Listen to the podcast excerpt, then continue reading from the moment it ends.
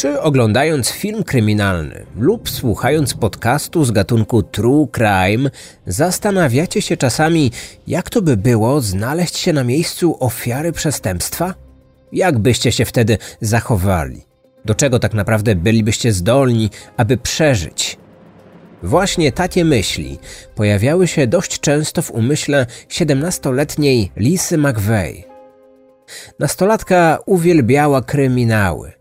Czytając, słuchając lub oglądając programy o zbrodniach, szczególną uwagę zwracała na pracę śledczych związaną z poszukiwaniem osób zaginionych. Jednak nigdy nie przypuszczała, że zdobyta w taki sposób wiedza mogłaby się jej kiedykolwiek przydać, a już na pewno nie pomyślała, że pewnego dnia uratuje jej życie. Kryminatorium. Otwieramy akta tajemnic. Lisa McVeigh przyszła na świat w marcu 67 roku w Tampie na Florydzie. Jej życie już od samego początku było naznaczone pasmem nieszczęść. Ojciec praktycznie się nią nie interesował, nie pomagał w jej wychowaniu. Uzależniona od alkoholu i narkotyków matka także nie potrafiła wywiązać się z rodzicielskich obowiązków tak jak powinna. Gdy ojciec na dobre zniknął z domu, matka z córką straciły dach nad głową. Na szczęście dziewczynką zainteresowała się opieka społeczna. Dziecko trafiło najpierw do jednej rodziny zastępczej, później do drugiej. Ostatecznie postanowiono, że Lisa powinna być wychowywana przez kogoś z rodziny. Tym kimś była jej babcia. Dziewczynka miała 14 lat, gdy do niej trafiła, ale kobieta nie była sama. Razem z nią w domu mieszkał jej partner, Morris. Mężczyzna, który mógłby być jej dziadkiem, od samego początku wykazywał niezdrowe zainteresowanie Lisą. Dziwnie na nią patrzył, jeszcze dziwniej ją dotykał. Pewnej nocy zakradł się do jej pokoju. Po wejściu do jej łóżka przystawił nastolatce pistolet do głowy. Kazał być cicho i nie wzywać pomocy. Wtedy zgwałcił ją po raz pierwszy. W ciągu trzech następnych lat jego nocne wizyty powtórzyły się wielokrotnie. Żadna osoba z jej najbliższego otoczenia niczego nie zauważyła. Tak przynajmniej wszyscy później twierdzili. Jeśli ktokolwiek domyślał się, że Lisie dzieje się w domu krzywda, nie zareagował. Pozbawiona wsparcia nastolatka z dnia na dzień radziła sobie coraz gorzej. Po skończeniu 17 lat znalazła pracę na pół etatu. Po lekcjach meldowała się w cukierni. Było to dla niej potrzebnym, choć jedynie połowicznym wyzwoleniem. Co prawda, dużo mniej czasu spędzała w domu. Nie musiała patrzeć, jak babcia i jej partner, obściskując się i śmiejąc, udawali idealną rodzinę. Jednak wieczorem musiała wracać do domu i doskonale wiedziała, kto będzie na nią czekać w jej pokoju. Pracując, odkładała każdego zarobionego dolara. Miała nadzieję, że pewnego dnia uda jej się uciec z tego piekła i zacząć zupełnie nowe życie, bez bólu, krzywd i cierpienia. Choć na co dzień starała się robić dobrą minę do złej gry, jej znajomi z pracy przeczuwali, że w jej życiu dzieje się coś bardzo niedobrego. Było widać, że coś ją trapi. Nie chciała nam jednak powiedzieć o co chodzi. Nikt z nas nie wiedział, co dzieje się za zamkniętymi drzwiami jej domu. Wiedzieliśmy, że historia tej rodziny nie jest za ciekawa.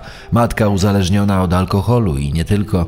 W dodatku wylądowała na ulicy i później nie interesowała się losem swojego dziecka. Ale nie zdawaliśmy sobie sprawy, jak to wszystko było pokręcone. Lisa zarabiała niewiele. Pieniądze wystarczały jej zaledwie na podstawowe potrzeby. Nadzieja na nowe życie szybko zgasła, a wtedy siedemnastolatka wpadła w depresję.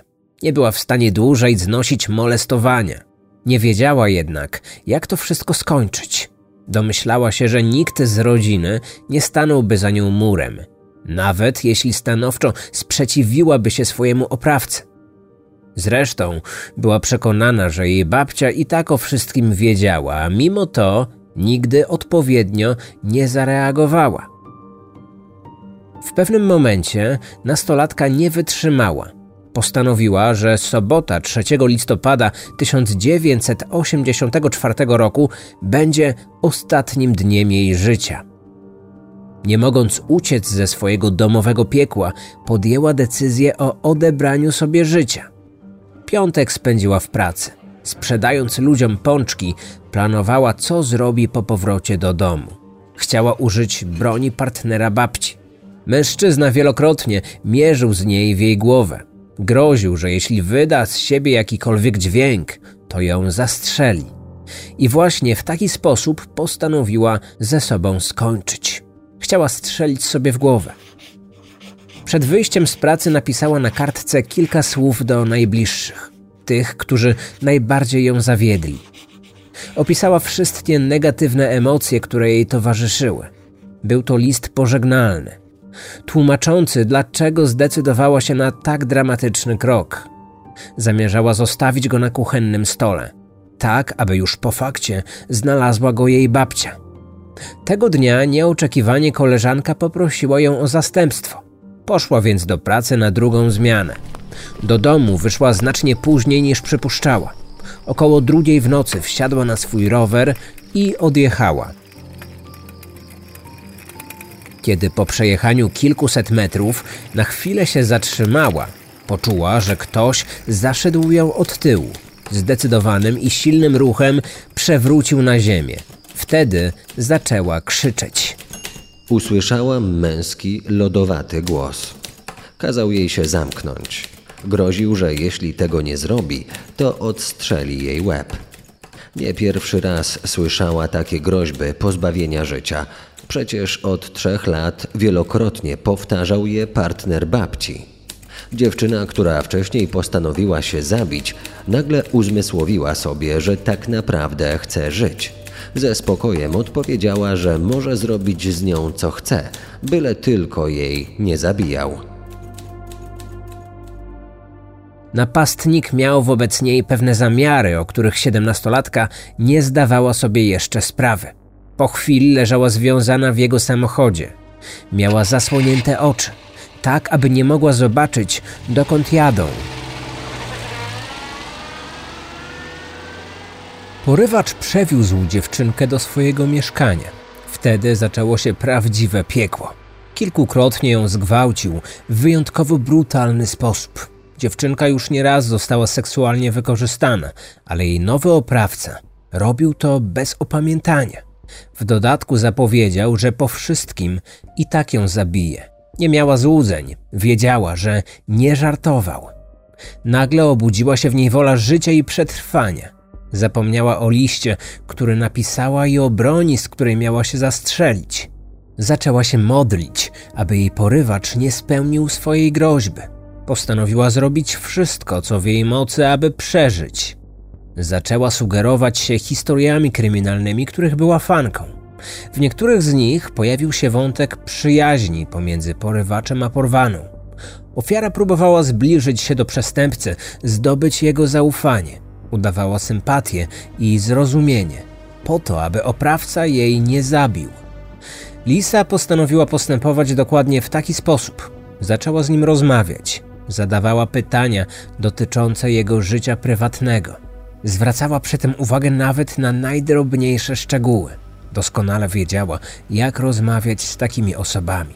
W swoim życiu miała do czynienia z wieloma mężczyznami skłonnymi do agresji i przemocy. Wiedziała, w jaki sposób okazać im szacunek i uwagę, jak skutecznie podbudować ich ego. Zachowanie porywacza było bardzo zmienne. Przejawiał agresję, aby za chwilę okazać swojej ofierze odrobinę życzliwości. Kiedy pomagał jej w umyciu włosów, przyznał, że został zraniony przez inną kobietę, w której się zakochał. Ona nie odwzajemniała jego uczuć, więc dała mu kosza. Dlatego postanowił się zemścić. Jednak nie na tej konkretnej kobiecie, ale na innych młodych dziewczynach, które zupełnie przypadkowo stanęły na jego drodze. Porwana nastolatka musiała zdławić w sobie przerażenie oraz obrzydzenie wywołane opowieścią oprawcy. Postanowiła udawać, że rozumie jego motywację. Powiedziała mu, że gdyby był jej chłopakiem, byłaby z niego dumna. Zapewniła przy tym, że uważa go za przyzwoitego gościa. Jej słowa podziałały, podbudowując porywacza. Nie mogła go zobaczyć, ponieważ przez cały czas miała oczy zasłonięte opaską. Poznawała jednak jego twarz przez dotyk. Już po kilku godzinach od porwania zaczęła się rodzić pomiędzy nimi jakaś więź. Tak przynajmniej zaczął myśleć jej oprawca. Z czasem porywacz zapragnął poznać bliżej swoją ofiarę. Na początku zupełnie się nią nie przejmował, ale po kilku rozmowach całkowicie zmienił do niej swoje podejście. Nastolatka postanowiła to wykorzystać. Opowiedziała mu zmyśloną historię swojego życia, smutną i wzruszającą zarazem. Wymyśliła opowieść o ojcu, który był bardzo poważnie chory i nie zostało mu już zbyt wiele czasu. Dziewczyna zasugerowała w ten sposób porywaczowi, że jeśli jej nie wypuści, ojciec prawdopodobnie już nigdy nie zobaczy swojej córki. Powtarzała również, że tata może liczyć tylko na nią i jeśli nie wróci do domu, nie będzie nikogo, kto mógłby się nim zająć. Cały czas powtarzała przy tym, że uważa go za dobrego człowieka, który nie przetrzymywałby długo bezbronnej nastolatki w swoim mieszkaniu. Lisa udawała również, że mężczyzna naprawdę jej się podoba i że może zostać jego dziewczyną. Miała nadzieję, że to uratuje jej życie, choć zdawała sobie sprawę, że widmo śmierci wciąż nad nią wisiało. Tylko szaleniec mógł ją porwać, zgwałcić i torturować. Nie miała więc gwarancji, że kiedykolwiek uwierzy w jej słowa. Nawet jeśli tak, to przecież mógł nie chcieć jej wypuścić. Nie zamierzała umierać, ale musiała pogodzić się z myślą, że być może taki los rzeczywiście ją spotka. Miała tylko nadzieję, że jeśli naprawdę zginie, to ktoś w końcu odnajdzie jej zwłoki i doprowadzi do skazania zabójcy. Znalazła się w naprawdę trudnej sytuacji, a mimo to starała się myśleć logicznie. W mieszkaniu przestępcy, zwłaszcza w łazience, w której mogła się zamknąć, zostawiła mnóstwo śladów biologicznych odciski palców czy włosy. Miała to być wskazówka dla śledczych, że była w tym domu i to właśnie w nim stała jej się krzywda.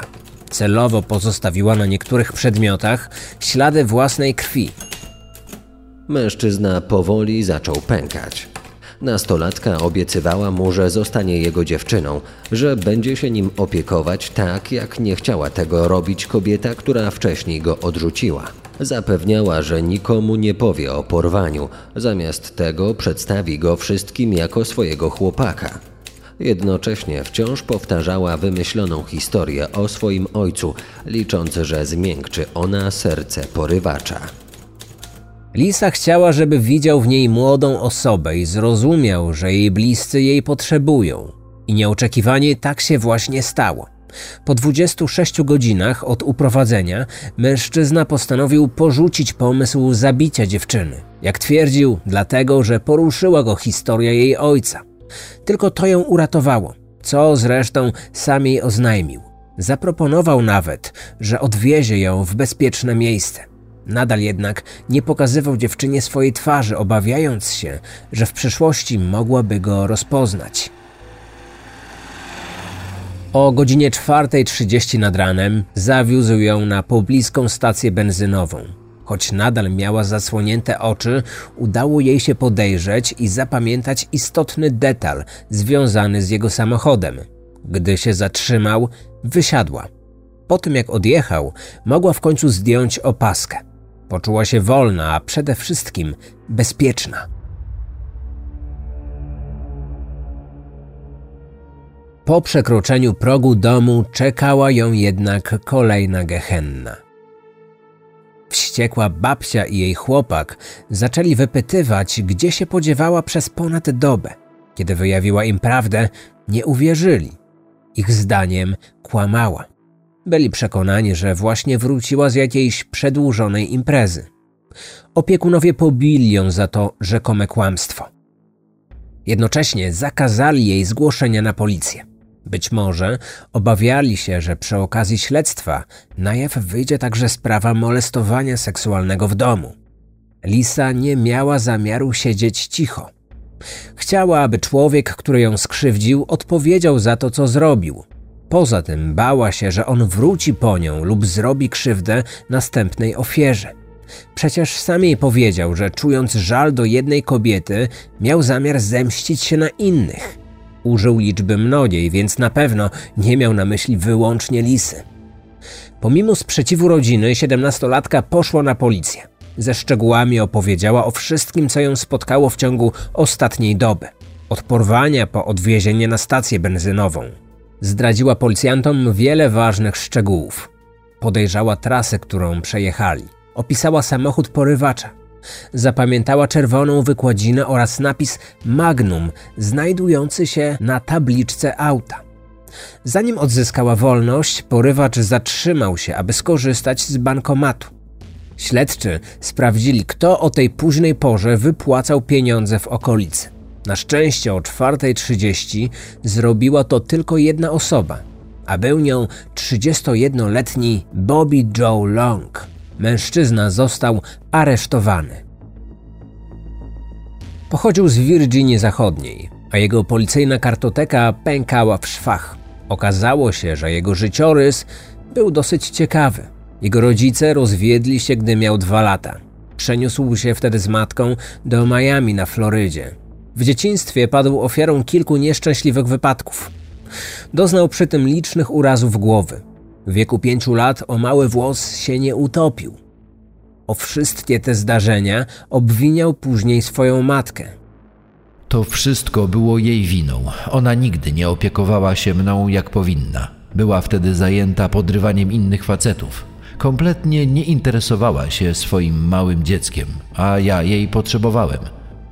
Jednak z drugiej strony więź pomiędzy synem a matką była silna. Aż do 13 roku życia spał z nią w jednym łóżku. Przestał dopiero wtedy, gdy poznał w szkole dziewczynę, która mu się podobała. Prawdopodobnie to właśnie relacja z matką wpłynęła na jego późniejsze zachowanie, wyzwalając w nim nienawiść do kobiet. Twierdził, że jego matka często sprowadzała do domu obcych mężczyzn. Poznawała ich w barze, w którym pracowała. On, jako chłopiec, musiał patrzeć na to, jak uprawiali przy nim seks. W szkole również miał kłopoty. Od urodzenia cierpiał na chorobę charakteryzującą się zbyt niskim poziomem testosteronu. Na tle swoich rówieśników wyróżniał się tym, że miał większe piersi niż inni chłopcy. Był z tego powodu wyśmiewany i nazywany babą. To mocno wpłynęło na jego postrzeganie własnej tożsamości płciowej. Nie czuł się wystarczająco męsko. Jednak będąc nastolatkiem, poznał dziewczynę, która się w nim zakochała. On w niej również i kiedy oboje skończyli szkołę, pobrali się. Pierwsze lata małżeństwa były udane. Para doczekała się dwójki dzieci, choć wcześniej Bobby obawiał się, że przez swoją chorobę nigdy nie będzie mógł zostać ojcem. Już jako dorosły mężczyzna ponownie odniósł dość poważny uraz głowy, tym razem w wypadku motocyklowym.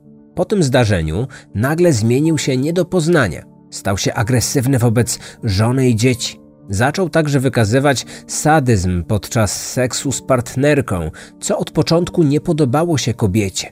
On jednak się nie przejmował. W roku 80, po sześciu latach małżeństwa, jego żona złożyła papiery rozwodowe. Mąż stał się wobec niej bardzo agresywny.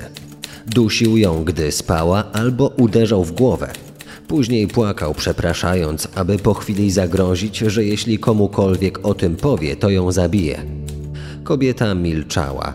Przez dłuższy czas nikomu o tym nie mówiła, ale w końcu podjęła decyzję o zakończeniu tego niebezpiecznego związku. Mężczyzna przez cały czas bardzo chętnie korzystał również z usług prostytutek, ale z czasem przestało mu to wystarczać. Dlatego zaczął atakować i molestować bezbronne kobiety. Wymyślił sobie sposób na zdobycie zaufania ofiar. W gazetach uważnie przeglądał ogłoszenia dotyczące sprzedaży. Odpowiadał na nie, jeśli w słuchawce usłyszał kobiecy głos. Umawiał się na spotkanie w ich własnych domach.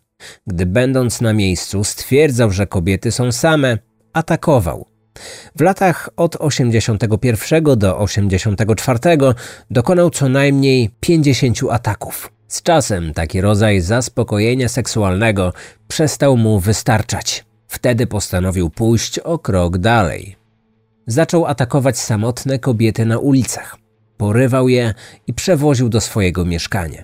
Tam gwałcił, torturował, a na końcu zabijał. Jego ofiarami padały zazwyczaj damy do towarzystwa lub dziewczyny wracające do swoich domów z nocnej zmiany.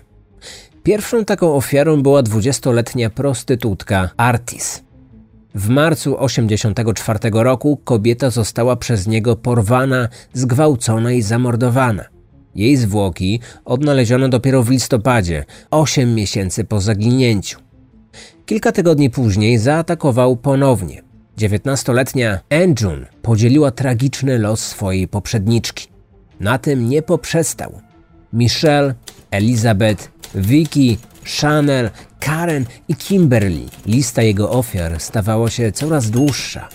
Najczęściej dusił je gołymi rękami. Niektórym podcinał gardła lub katował. Kiedy po czasie odnajdywano ciała tych kobiet, były one ułożone w dość charakterystyczny sposób. To uzmysłowiło śledczym, że w okolicy grasuje seryjny zabójca. Zwłoki podrzucał w odludnych okolicach kilka kilometrów poza miastem.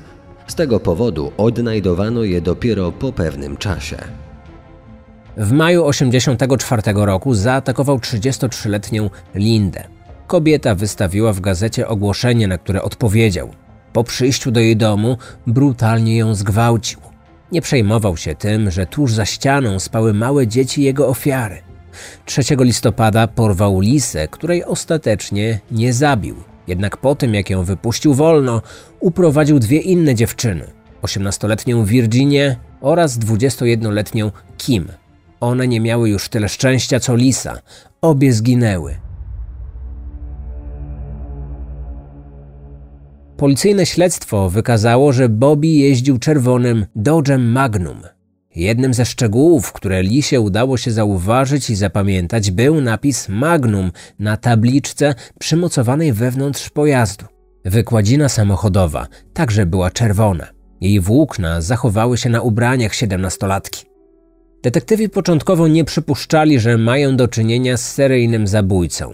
Jednak po tym, jak w kilku sprawach zabójstw z okolicy pojawił się ten sam dowód, czerwone włókna z samochodowej wykładziny znalezione na zwłokach ofiar, zdali sobie sprawę, że schwytali osobę, która dokonała tych wszystkich zbrodni. Na siedzeniu pasażera w jego aucie zabezpieczono ślady krwi Lisy, czyli dowód na to, że była ona w tym samochodzie. Prócz tego znaleziono również DNA innych zamordowanych kobiet. W mieszkaniu podejrzanego odnaleziono też ślady, które nastolatka świadomie zostawiła. Odciski palców, włosy i zaschnięta krew w łazience. Po aresztowaniu Bobby przyznał się do porwania Lisy, zgwałcenia około 50 innych kobiet, a także do dokonania 10 zabójstw. Nie chciał jednak opowiedzieć o szczegółach swoich zbrodni. Zabiłem wiele kobiet. Świadomość tego wszystkiego nie jest dla mnie przyjemnym uczuciem. Nie jestem z tego dumny. Najgorsze w tym wszystkim jest to, że ja sam nie rozumiem, dlaczego to wszystko musiało się wydarzyć. Naprawdę tego nie rozumiem. Wcześniej powiedział Lisie, że jego motywacją była chęć dokonania zemsty na wszystkich kobietach, ponieważ jedna z nich nie odwzajemniła jego uczuć. Psycholodzy i psychiatrzy skłaniali się raczej ku temu, że ta nienawiść wyrosła u niego już w dzieciństwie. Zdaniem ekspertów miała być ona wymierzona głównie w jego matkę, z którą łączyła go bardzo specyficzna relacja. Jednak nie wiadomo tak do końca, co naprawdę było jego prawdziwym motywem. Za wszystkie przestępstwa, które popełnił, otrzymał surową karę. W roku 86 skazano go na 28 kar dożywotniego pozbawienia wolności oraz karę śmierci za dwa z dziesięciu zabójstw, które uznano za wyjątkowo brutalne. W oczekiwaniu na wykonanie kary skazaniec trafił do więzienia stanowego na Florydzie. Dziewczyna, której udało się przechytrzyć porywacza, wyprowadziła się od babci, która bardzo przeszkadzała policji w prowadzonym śledztwie. Między innymi nie wyraziła zgody na to, aby jej wnuczka poddała się hipnozie, która miała pomóc w przypomnieniu sobie ważnych szczegółów. Lisa zamieszkała z ciotką i wujkiem, którzy zadbali o to, aby dziewczyna prowadziła w miarę normalne życie. Bardzo pomagali jej również z poradzeniem sobie z traumą. Jakiś czas później Lisa ukończyła Akademię Policyjną i została stróżem prawa. Obecnie pracuje w Departamencie do Spraw Przestępstw Seksualnych, tym samym, który w latach 80. zajmował się jej sprawą. Wtedy tamtejsi funkcjonariusze traktowali ją jako ofiarę przestępstwa. Dziś jest w ich zespole. Egzekucję seryjnego zabójcy przeprowadzono 23 maja 2019 roku, 33 lata po wydaniu wyroku skazującego. Naocznymi świadkami tego wydarzenia były m.in. dwie kobiety, którym udało się przeżyć jego atak. Na własne oczy zobaczyły, jak dożył ich oprawcy. Wstrzyknięto odpowiednią dawkę trucizny. Siedziały w pierwszym rzędzie podczas wykonywania kary. Obie później przyznały, że poczuły ulgę, kiedy zwyrodnialec wydał z siebie ostatnie tchnienie. Skazaniec zrezygnował z prawa do ostatniego słowa. Nigdy nie wyjawił, co tak naprawdę nim kierowało. Nie odpowiedział na pytanie, dlaczego gwałcił i zabijał młode kobiety. Te tajemnice niestety zabrał ze sobą do grobu. Odcinek powstał na podstawie artykułów Jessie London pod tytułem How a 17-year-old convinced a serial killer to spare her life. Ponadto wykorzystano teksty autorstwa m.in. Katrin Warn czy Sabriny Olak oraz informacje opublikowane w portalach The Sun, Tampa Bay czy Medium.